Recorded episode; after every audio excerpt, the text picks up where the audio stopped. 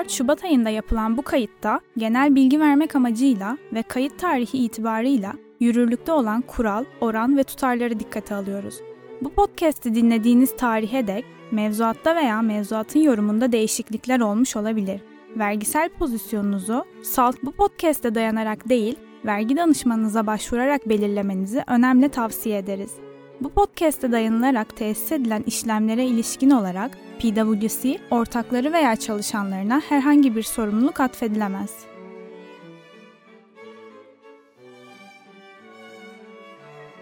Merhabalar, ben PwC Türkiye ortaklarından Umurcan Gago. Yatırımlarını finansal varlıklarda değerlendiren ve herhangi bir nedenle uykusuzluk sorunu çeken dinleyicilerimiz için hazırladığımız bu podcast serimizde Türkiye'de yerleşik gerçek kişilerin finansal yatırım araçlarından elde ettikleri gelir ve kazançların vergilendirilmesini ele alıyoruz. Bu bölümde son dönemde nitelikli yatırımcıların en gözde yatırım araçlarından biri haline gelen girişim sermayesi yatırım fonlarından elde edilen kazançların vergilendirilmesini ele alıyoruz. Ama önce her zamanki gibi kısa bir vergi tarihi hikayemiz olacak. Efendim bu seride konuştuğumuz gelir vergilemesi insanlık tarihi boyunca ilk ve en yaygın vergi türü ola gelmiş bir vergi değil aslında.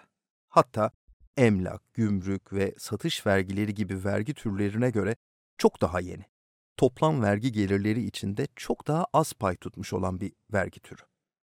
Ama ben bugün sizinle iyi bir vergi sisteminin reçetesini paylaşmak istiyorum. Bunun için dört tane malzeme kullanıyoruz. Biraz İtalyan makarna hamurundaki durum buğdayı, tuz, yumurta ve zeytinyağı dörtlemesi gibisinden düşünebilirsiniz. Bir tanesi eksik olsa veya kalitesi kötü olsa olmaz ya, işte o hesap.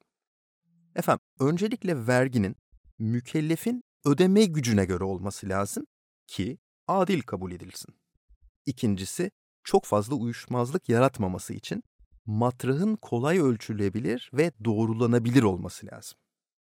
Üçüncüsü, bireylerin mülkiyet ve kişisel haklarına mümkün mertebe az müdahale ediyor olmalı.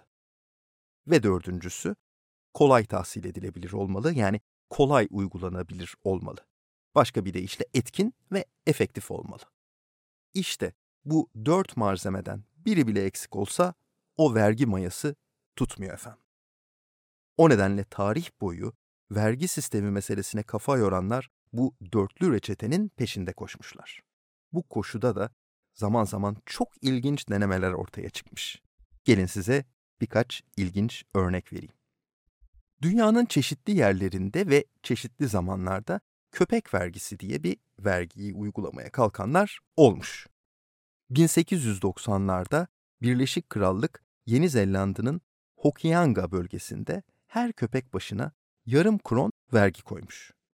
Bunun üzerine Maoriler, köpeklere vergi uygulanırsa bir gün sıra insanlara da gelir.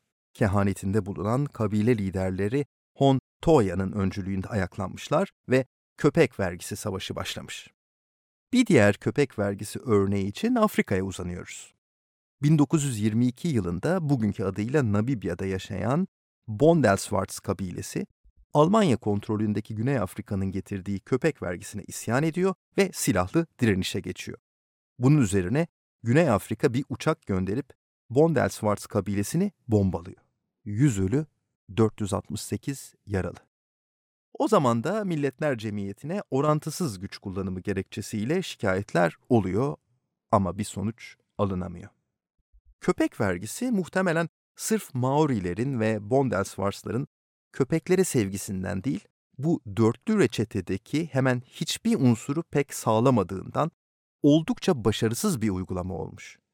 Şöyle gözünüzde bir an canlandırın mesela. İstanbul'da kedi vergisi diye bir vergi gelse ne olur? Eh, hayatta olmaz değil mi? İşte bu da öyle. Bir başka örnek 1660'larda İngiliz parlamentosunun getirdiği ocak vergisi olmuş.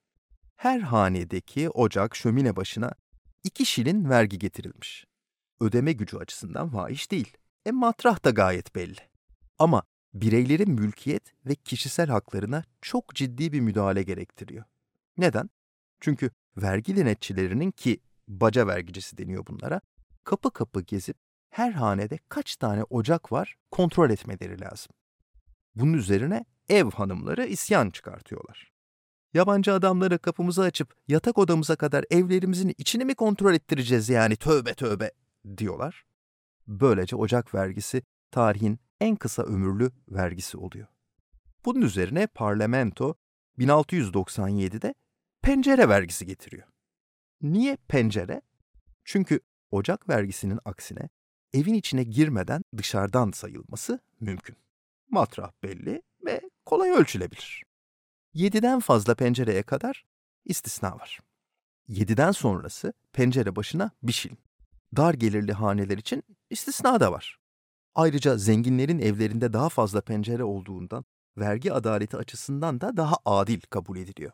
Gerçi yaşamın pahalı olduğu büyük şehirlerdeki evlerle kırsalda ve çok daha ucuz olan evlerin pencerelerinin aynı nispette vergiye tabi olmasının ne kadar adil olduğu tartışma çıkarmamış değil. Ama bu vergi kısa ömürlü olmamış.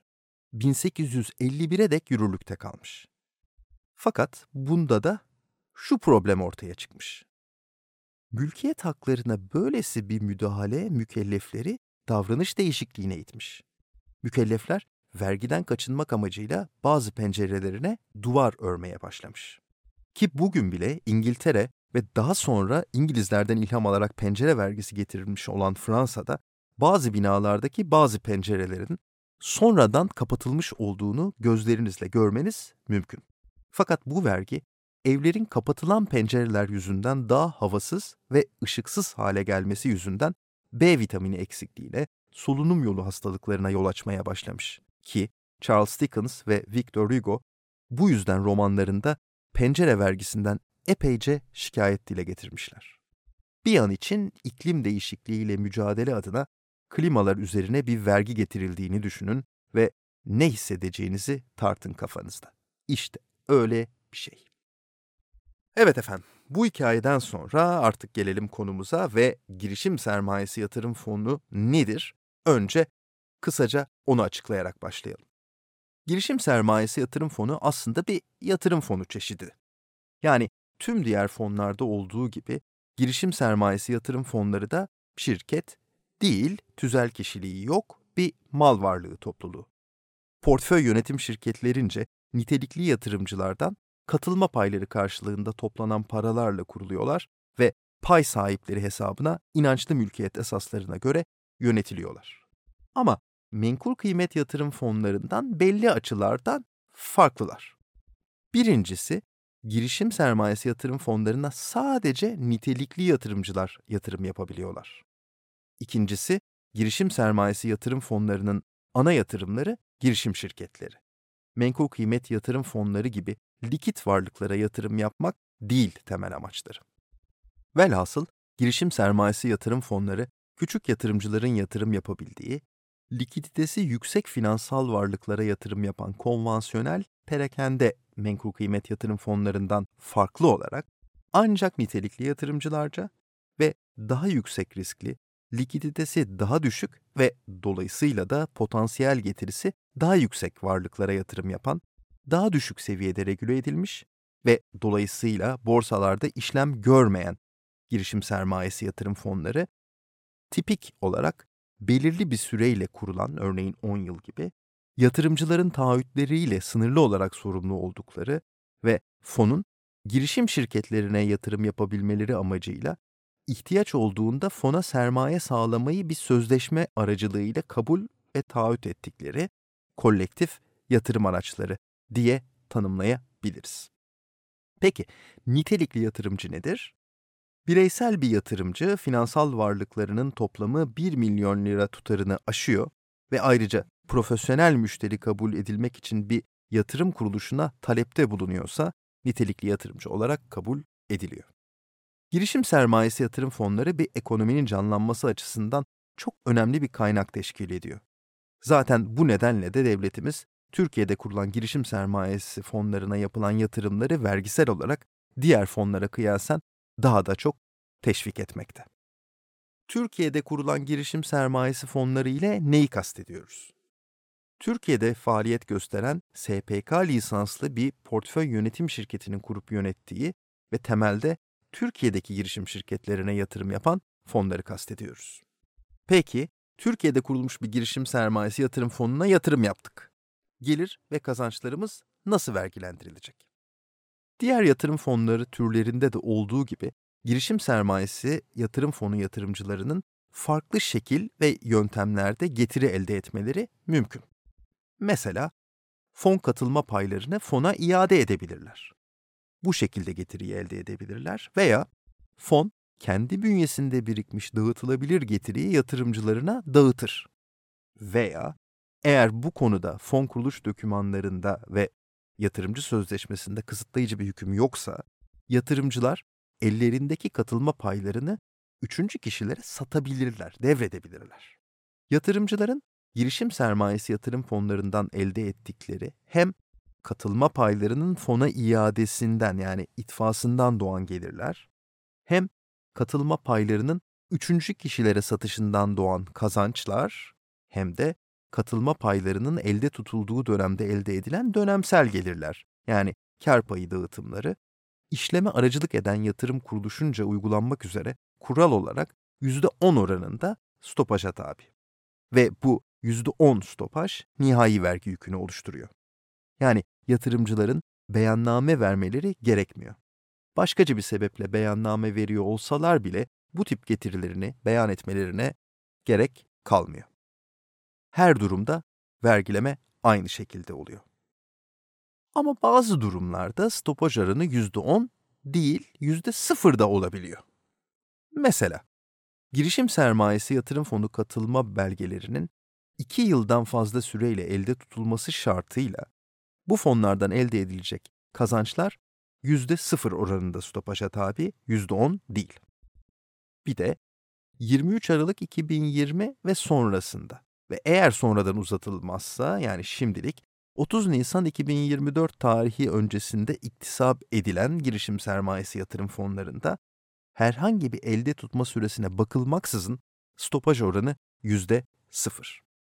Peki, Türkiye'de değil, yurt dışında kurulmuş bir Private Equity Investment Fund'a yatırım yaptım.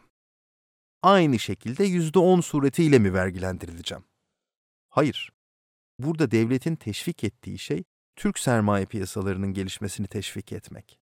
O nedenle eğer yabancı bir fona yatırım yapmış ve bir getiri elde etmişseniz, prensip olarak onu beyan etmeniz ve üzerinden artı oranlı gelir vergisi tarifesine göre yıllık gelir verginizi ödemeniz gerekiyor.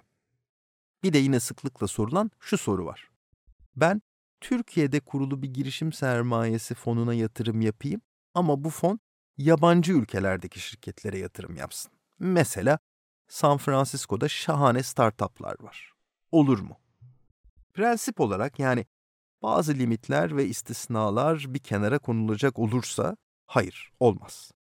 Türkiye'de kurulu girişim sermayesi yatırım fonlarının ana amacı doğrudan veya dolaylı olarak Türkiye'de faaliyet gösteren girişim şirketlerine yatırım yapmak. Gördüğünüz gibi Türkiye'de kurulu girişim sermayesi yatırım fonlarından elde edilen gelir ve kazançların vergilendirilmesi son derece basit ve avantajlı.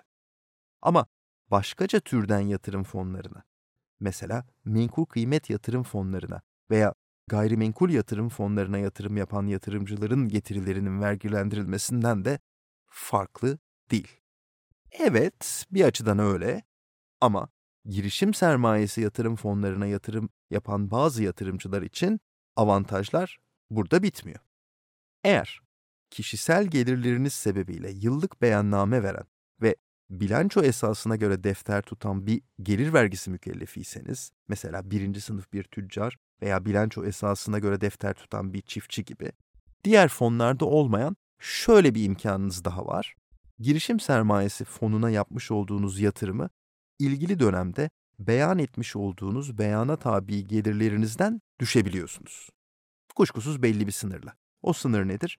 Beyan ettiğiniz gelirin %10'u ve öz sermayenizin %20'si yatırımınızı muhafaza ettiğiniz sürece bu ekstra vergi ertelemesi imkanından faydalanabiliyorsunuz. Peki bu ek avantaj pratik olarak ne anlama geliyor? Devlet size bir anlamda diyor ki, Sen yeter ki girişim sermayesi fonlarına yatırım yap. Ne yatırım yapıyorsan onun gelir vergisi oranı kadar ben de para koyuyorum. Bazen şöyle sorular gelebiliyor. Serbest meslek kazanç defteri tutan serbest meslek erbabıyım. Bu indirim imkanından faydalanabilir miyim? Maalesef hayır. Aslında vergi politikası olarak çok güzel ve yerinde bir ek teşvik ama sadece bilanço esasına göre defter tutan bir gelir vergisi mükellefi için geçerli olduğundan uygulama alanı biraz dar. İnşallah ileride kapsamı biraz daha genişletilir diye umuyorum. Böylece bu podcast serimizin 8. bölümünün sonuna gelmiş bulunuyoruz. Uykuya dalmadan buraya kadar gelmiş olduğunuz için özür diliyorum. Bir sonraki bölümde buluşuncaya kadar keyifli, sağlıklı, bol kazanç ve az vergili günler diliyorum.